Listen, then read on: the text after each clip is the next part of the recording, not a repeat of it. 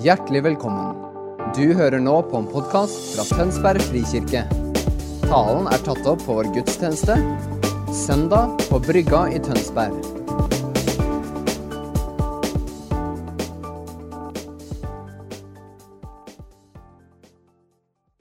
Dere er det en påtakelig erfaring av ensomhet.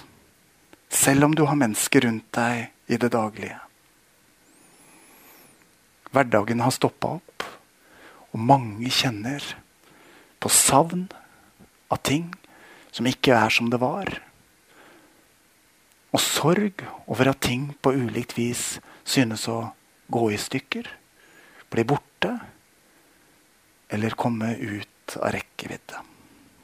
Og midt i denne virkeligheten som er vår denne påsken 21, så lyder påskens evangelium som en proklamasjon, som et håp som skjærer gjennom det som er mørkt.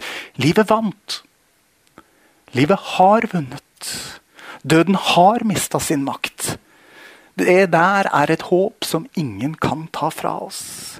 Det nye livet spirer allerede fram på innsida. Ånden vi har fått, er pantet på arvet vi har. Om et liv som aldri bukker under.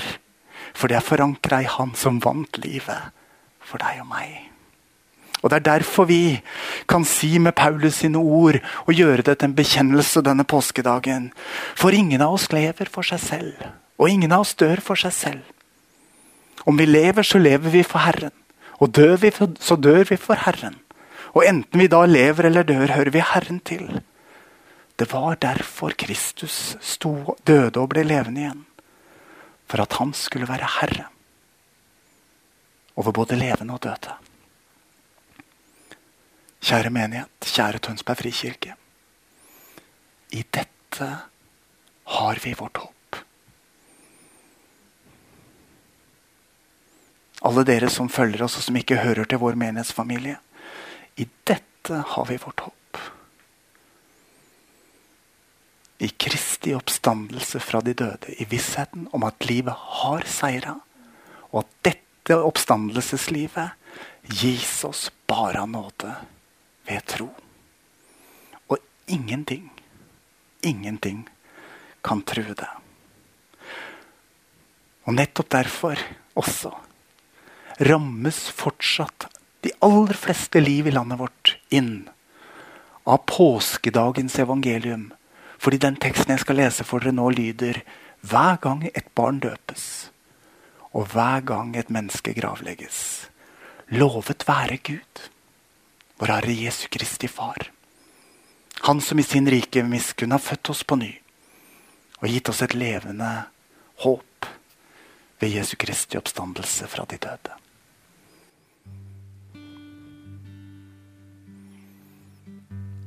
Takk for Golgata.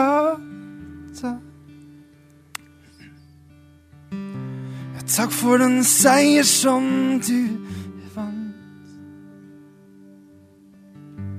Takk at ditt blod renser meg.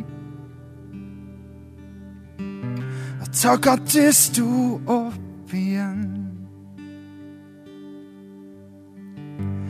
takk for Golgata.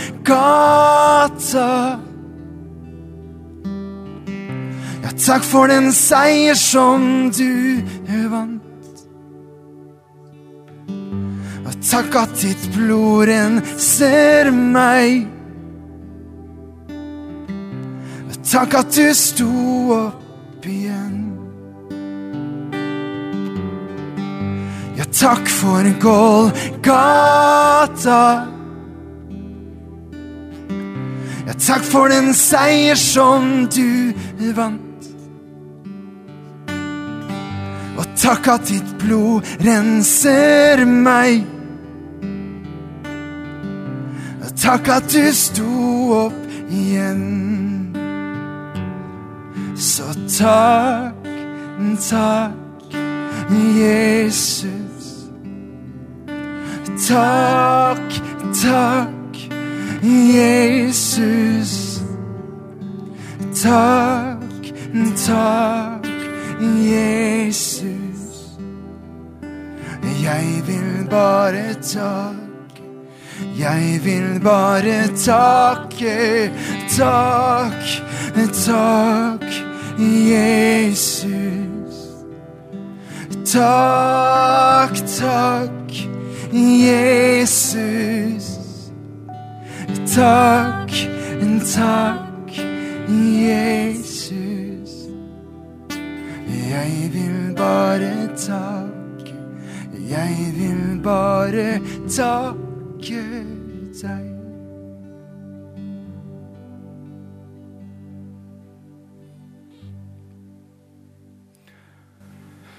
Påskedagens hellige evangelium så skrevet hos evangelisten Johannes i det 20. kapittelet fra vers 1. Tidlig om morgenen den første dagen i uken mens det ennå var mørkt, kom Maria Magdalena til graven. Da ser hun at steinen foran graven er tatt bort, og hun løper av sted og kommer til Simon Peter og den andre disippelen, han som Jesus hadde kjær, og hun sier, De har tatt Herren bort fra graven, og vi vet ikke hvor de har lagt ham. Da dro Peter og den andre disippelen ut og kom til graven. De løp sammen, men den andre disippelen løp fortere enn Peter og kom først. Han bøyde seg fram og så linklærne som lå der, men gikk ikke inn i graven. Simon Peter kom nå etter, og han gikk inn. Og han så linklærne som lå der, og tørkleet som Jesus hadde hatt over hodet. Det lå ikke sammen med linklærne, men sammenrullet på et sted for seg selv. Da gikk den andre disippelen også inn, han som var kommet først til graven. Han så og trodde. Fram til da hadde de ikke forstått det Skriften sier, at han måtte stå opp fra de døde. Så gikk disiplene hjem. Hellige Far, hellige oss i din sannhet. Ditt ord er sannhet. Amen. Camilla sa det når hun åpna gudstjenesten i dag. Dette er fundamentet for vår tro. Jesus lever. Livet vant. Og hans seiersliv kommer oss i møte akkurat i denne dagen. Og det bærer oss denne dagen og alle dager og gjennom døden og like inn til evig liv. Det sprenger alle de grensene vi vanligvis forholder oss til. Og I dag har jeg lyst til å dvele ved dette helt sentrale i to punkter. Hva betyr dette faktum for vår tro? Og hvilke konsekvenser har det for våre liv? Hva betyr det for vår tro? Og hvilke konsekvenser har det for våre liv? Og det vi tror på, det lever vi ut fra. Derfor vil jeg starte der. For det er helt avgjørende viktig at vår tro stadig kommer tilbake til, stadig dveler ved, stadig eier og griper det helt grunnleggende, som er påskedagens evangelium. Hvordan er det mulig, da? At 2000 år enda mer etter at dette skjedde Ja, under 2000 år, faktisk, hvis vi skal være nøye med matematikken. Så har vi røde dager i kalenderen. Som setter av og holder dagene særskilt for å markere det som er et faktum. At Jesus sto opp fra de døde. Det er ikke en myte. Det er ikke en religiøs overbevisning. Det er et faktum som vår tro knyttes til. Et historisk faktum. Hele Jerusalem hørte om det. Hvis du hadde trengt å, å skape en bløff, så var det en dårlig idé å gjøre det i den konteksten der. Men det trengte ikke skapes en bløff, for Jesus viste seg. Først for disiplene. Så var det flere som fikk lov til å vitne og se han. 15 unike historiske vitnesbyrd har vi om at Jesus viste seg levende etter oppstandelsen. En gang viste han seg for mer enn 500 på én gang. Og de så det alle sammen. Så mange så det at det var umulig å fornekte det. Og så usannsynlig var det at om du ville skape en bløff, så tok du ikke utgangspunkt i en folkemengde på 500 som kunne motsi deg. Vår tro er forankra i et faktum. Jesus brøt dødens lenker og sto opp igjen. Og han lever. Og hva betyr det for oss? Jo, først og fremst så betyr det at han er den han sier at han er. Og at han har den makt han sier at han har. Og at han gjør det han har sagt at han vil gjøre. Og Jeg skal bruke akkurat det jeg sa nå som tre stoppesteder for dere. Jesus er den han sa han var. Jeg er oppstandelsen og livet, sa Jesus. Den som tror på meg, skal leve om han enn dør. Jesus kom med noen voldsomme påstander mens han var her på jorda. Jeg er Gud, sa han. Jeg er den eneste veien til himmelen. Jeg er verdens frelser. Av og til i den moderne samtalen om tro og livssyn hører vi at vi kan skjele til Jesus som et etisk forbilde og som en, eh, som en, en vis mann. Men alvorlig talt, dere. Det denne mannen sa, var renspikka galskap hvis han var et menneske. Grensesprengende sannhet hvis han er Gud. Hvis du ikke anerkjenner at Jesus er Gud, så var han en gal mann du ikke bør følge. Men skjønner du at han er livets herre og verdens skaper, som kommer til deg for å bringe liv? Da gir det totalt mening, alt han sa. Så sier han, 'Jeg er veien, sannheten og livet'. Ingen kan komme til far utenfor meg. Jesus gjør det tydelig. Det er bare én vei til frelse og evig liv, dere. Jesus levner ikke rom for andre veier. Jeg er veien, sier han. Ikke en av veiene. Ikke den gode veien. Den eneste veien. Jesus er den eneste veien til fellesskap med pappa Gud og til håp om et liv som strekker seg ut over tida her. Den eneste veien. Men det gode budskapet er at det er tilgjengelig for hver og en som sier ja til Jesus og tar del i oppstandelsesgleden allerede her og nå. Å si som noen sier, at alle veier fører til himmelen. Dere, Det er like urealistisk som å si at du kan slå et hvilket som helst telefonnummer og komme hjem. Det kan du ikke.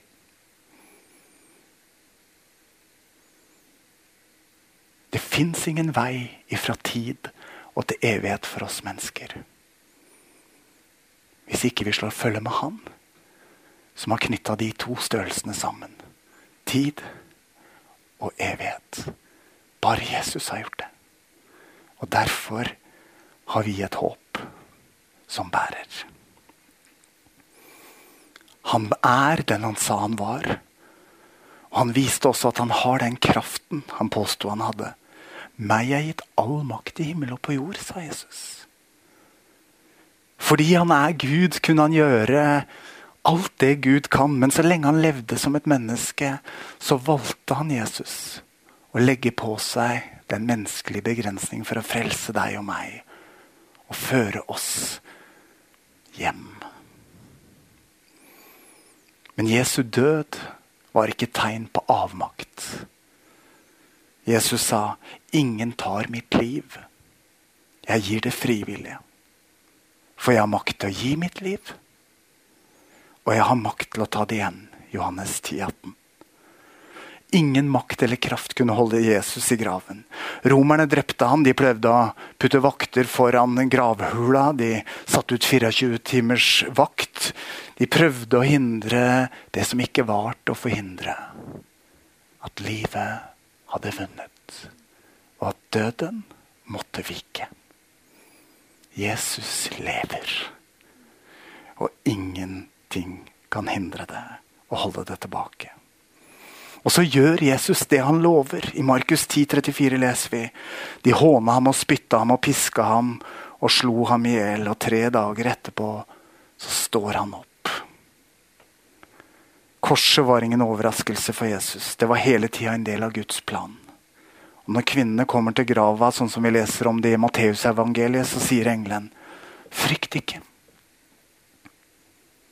Jeg vet dere søker Jesus, han som ble korsfestet. Men han er ikke her. Han har stått opp, som han sa. Jeg aner nesten det triumfen i englenes budskap den morgenen. Akkurat som han sa at han skulle gjøre det, gjorde han det.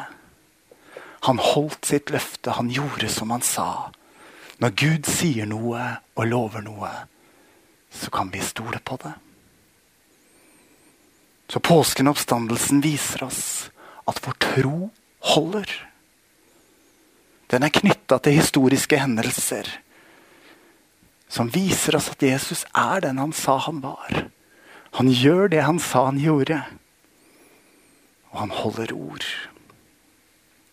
Og det utgjør hele forskjellen for deg og meg som har tatt imot ham. Og det vil utgjøre hele forskjellen for deg som følger oss nå, og som ikke har tatt imot ham, hvis du tar denne beslutningen i dag og lar oppstandelseslivet få lov til å komme inn og berøre ditt liv. Det betyr nemlig Oppstandelsen betyr, og da går jeg over fra å snakke om hva vår tro er forankra i, til hvilke konsekvenser dette har for vårt liv. Dette betyr at min fortid er, eller kan bli hvis du tar imot Jesus i dag, tilgitt. Min fortid er tilgitt. Og så betyr det at jeg får hjelp med det som er mine vanskeligheter og utfordringer her og nå. Og så betyr det at framtida mi er sikra. Jeg skal dvele ved begge, alle de tre punktene kort i det følgende. Fortida mi er tilgitt. For oss som har trodd på Jesus og kjent han lenge, så kan dette bli en selvsagt ting, fordi det er på en måte bærebjelken, bunnbjelken, kjernen i vår tro.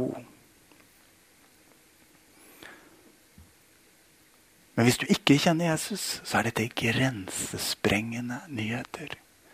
Det er mulig å trekke en strek i sanda og la fortid være fortid. Og la nåtid og framtid bli helt nytt. Når vi tar imot Jesus, når vi tar imot påskens evangelium, så er det tilgivelse og nytt liv som spirer fram. Å ta imot Jesus er å komme i et rett forhold til Gud igjen. Og få all den hjelpa vi trenger til å leve sant og godt videre. I samtale med en kollega for noen år siden så fortalte han meg om eh, en e-post han hadde fått. Hvor det var en fortvila menneske som skrev. Og jeg har prøvd å huske hva han fortalte meg, og det var sånn cirka sånn her. Hei, jeg er 31 år og jeg er skilt. Jeg kjempet imot skilsmisse. Og jeg har det så fælt. Jeg har ingen håp og ingen forventninger til framtida mi. Ofte kommer jeg hjem og gråter, men det er ingen der til å holde rundt meg. Ingen som bryr seg. Jeg er følelsesmessig utslitt. Redd for at jeg skal falle sammen. Noe er veldig galt, og jeg føler meg så sår og bitter at jeg ikke klarer å forholde meg til mennesker rundt meg. Det kjennes ut som om jeg alltid må holde ut i denne situasjonen. Kanskje ligner den situasjonen her på din situasjon. Eller kanskje er din situasjon helt annerledes, men like fullt veldig utfordrende. Veldig mange mennesker lever på denne måten. Faktisk dessverre både med og uten tro. At det ikke er mulig å ta fatt på nåtida og framtida fordi vi sitter fast i fortida. Ofte handler det om skyld eller anger som har satt seg fast. Noen ganger handler det om omstendigheter fra tidligere i livet som ødelegger for livet og situasjonen akkurat nå. Og Mange mennesker tror at de bare må leve med dette. Men Kolossebrevet 2, Bibelen sier, gjeldsbrevet mot oss slettet han ut det som var skrevet med lovbud.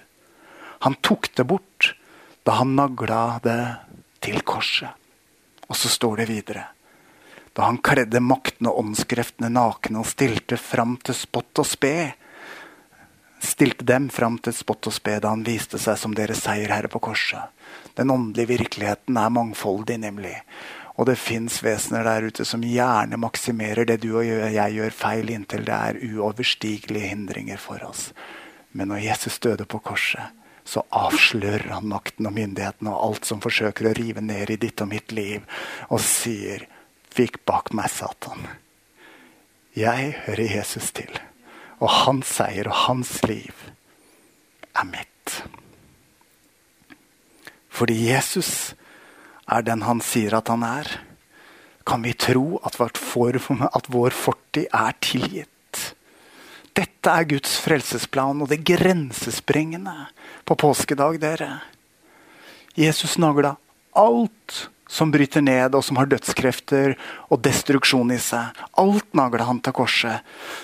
Sånn at vi kan slutte å spikre oss selv fast til selvanklagens kors. Jesus sletta ut all gjeld.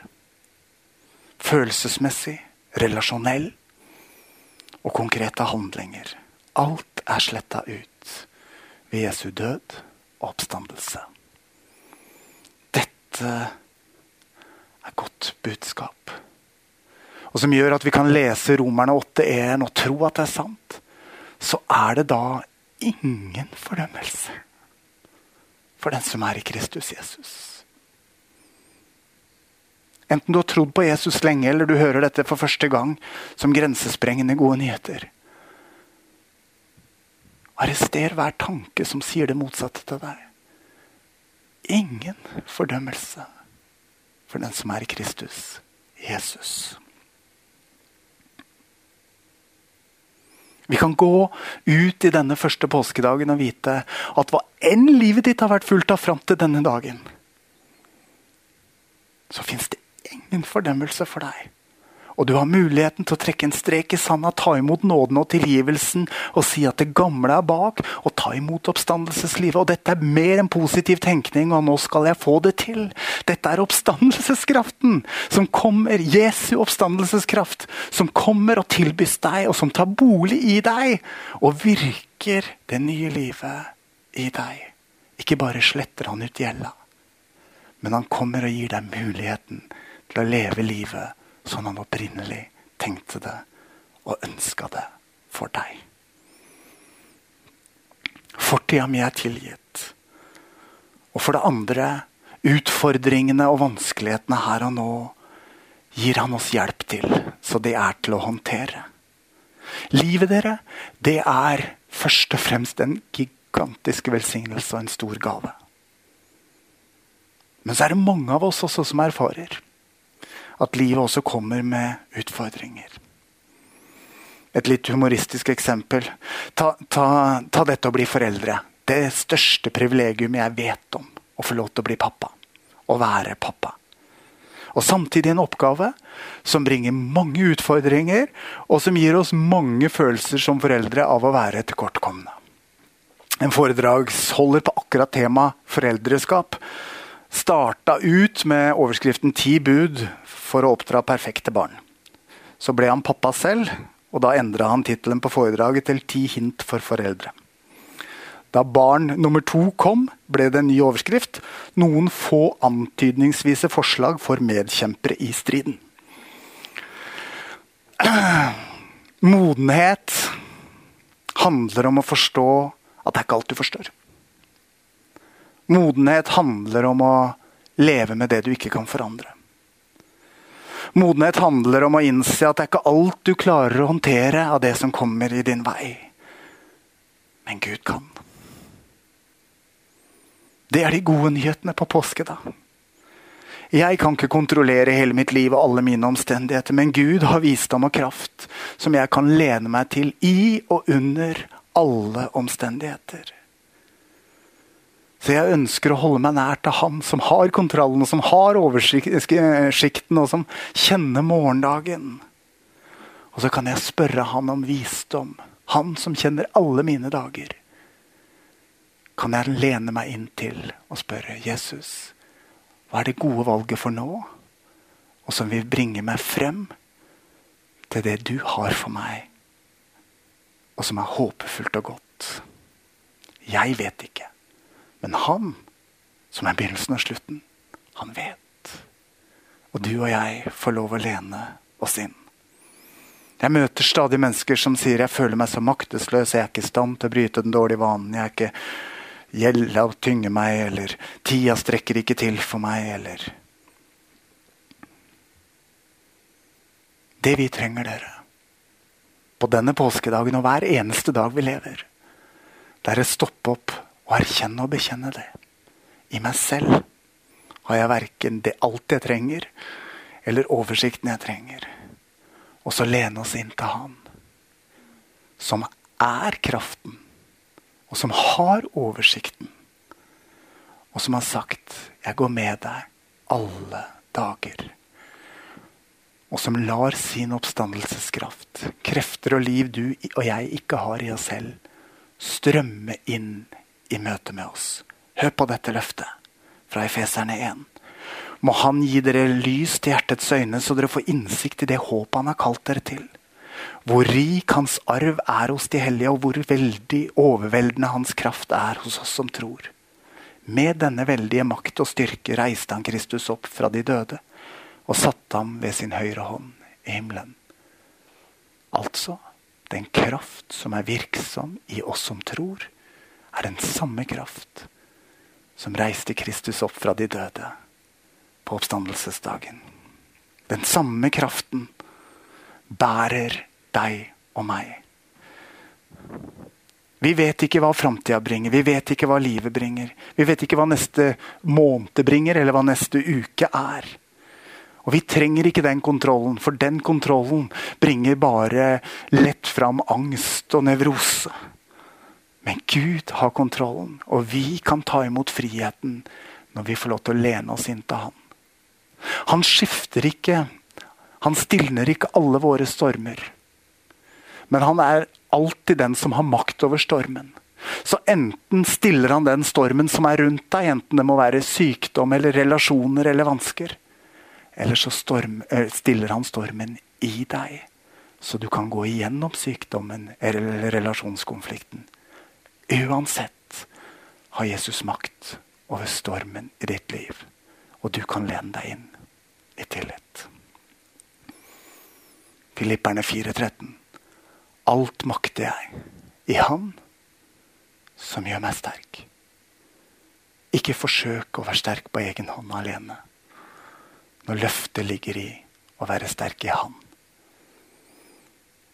I en engelsk oversettelse står det, og da blir det enda tydeligere Alt makter jeg gjennom Kristi styrke. Han som bor i meg.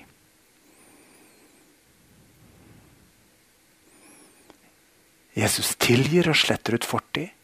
Han bærer i nåtid. Og sist, men ikke minst, dere, han sikrer og trygger vår evige framtid.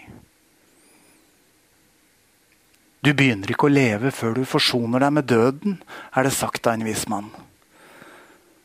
Det er faktisk bare selvbedrag å gå gjennom hele livet og skyve døden fra seg. Det eneste faktum som alle sammen av oss vet at vi må face. Vi liker ikke å snakke om døden. Vi liker ikke å forholde oss til døden engang. Men døden er et grunnvilkår i verden, og vi burde egentlig være mye flinkere til å snakke med hverandre om den. Men påskedagens gledesbudskap gir oss også trygghet og håp i møte med døden.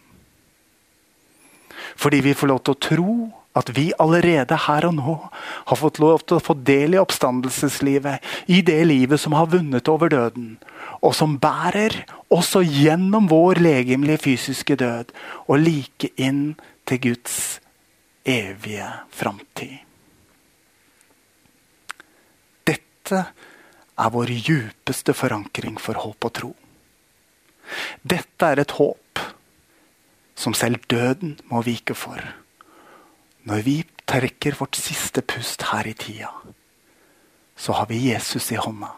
Han som har gått veien inn i døden, og så kommet tilbake igjen. Han kjenner den veien. Du og jeg skal ikke famle på en mørk sti og lure på om vi finner fram til himmelen. Jesus har spasert fram og tilbake der han kjenner hver krok. Og når vi trekker vårt siste pust, så tar han oss i hånda, og så sier han, 'Nå skal vi hjem, min venn.' Og jeg vet veien. Jeg er veien. Og jeg er sannheten. Og jeg er livet for deg. En ny himmel og en ny jord. Hvor alt er perfekt og fullkomment, sånn som Gud ønsker det for deg og meg. Ikke noe vondt, ikke noe uhell. et perfekt sted. Og det gode og det utfordrende på en og samme tid at dit kommer bare de som er perfekte. I himmelen kommer bare de som er perfekte. Nå skal vi ikke til himmelen, vi skal til ny himmel og ny jord. Men evigheten er et perfekt sted, og der kommer bare perfeksjon. Og da ryker vi jo ut alle sammen allerede i første runde. Hvis ikke det var for Jesus. Han er gjort til synd for at du og jeg har blitt gjort rettferdig, sang vi sangen. Perfekte, kan vi like gjerne si. I Jesus er vi gjort perfekte i Guds øyne. Og det gode er, dere, at for å komme inn i himmelen, så må vi kles i Jesu rettferdighet. I himmelens perfeksjon. For å passe inn i himmelen. Og heldigvis for deg og meg så gjør ikke Gud noen unntak. For hadde han sluppet inn en av oss som ikke er perfekte, så ville vi vært tidenes partypupere for evigheten når vi kommer der med imperfeksjon og ødelegger alt det perfekte. Nå er ikke det en mulighet, så ingen av oss trenger å være stressa for det. Men heldigvis er det sånn.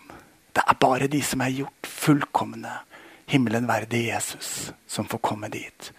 For der er det bare det fullkomne som råder.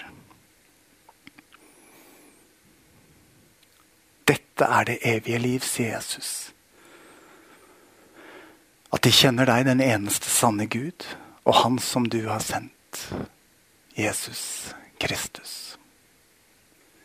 Hvis du har sagt ja til det, eller hvis du velger å si ja til det nå, så eier du også dette håpet om et liv som selv ikke din legemlige død kan true. Jesus har åpna veien. Da Jesus døde på korset, revna forhenget i tempelet. Og det var ikke noe enkel eh, gardin kjøpt på en billig konfeksjonsbutikk. Det var 20 cm tjukt, tykt vevstoff. Det var altså ikke noe mindre enn et mirakel som skjedde der. Guds allmakt som suverent slo ned og rev i filler et tøystykke som var så sterkt at ingen kunne dele det. For å si en gang for alle veien inn til pappa Guds omsorg og fellesskap er åpna for deg. Vi trenger ikke noe teppe som skiller. Hans hellighet er ikke lenger farlig for deg og meg. For vi er gjort perfekte gjennom Jesu blod og Jesu oppstandelse. Så vi har adgang. Vi kan komme inn. Vi er ønska velkommen. Så lander jeg der hvor jeg starta. Med evig kjærlighet har jeg elsket deg. Derfor lar jeg min godhet mot deg vare. Lovet være Gud, vår Herre Jesu Kristi Far. Han som i sin rike miskunn har født oss på ny og gitt oss et levende håp ved Jesu Kristi oppstandelse fra de døde. Nå skal vi sammen reise oss. Jeg oppmuntrer deg til å reise deg der du står eller sitter hjemme også. Og delta i trosbekjennelsen, hvor vi sammen med Den verdensvide kirke skal bekjenne den ikenske trosbekjennelse, som er vår mest felleskirkelige bekjennelse. For å la den runge som en lovprisning og en proklamasjon og en takk til Jesus for oppstandelseslivet som er gitt oss.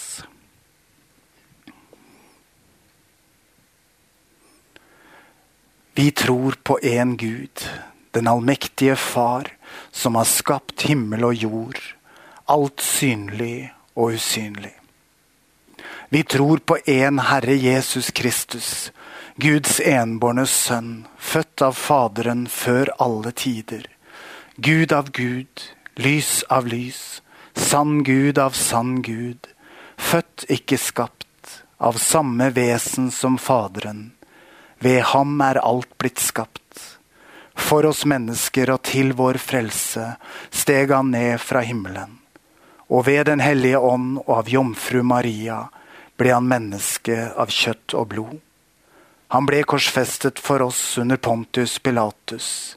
led og ble gravlagt, oppsto den tredje dagen etter Skriftene og for opp til himmelen, sitter ved Faderens høyre hånd, skal komme igjen i herlighet for å dømme levende og døde, og hans rike skal være uten ende.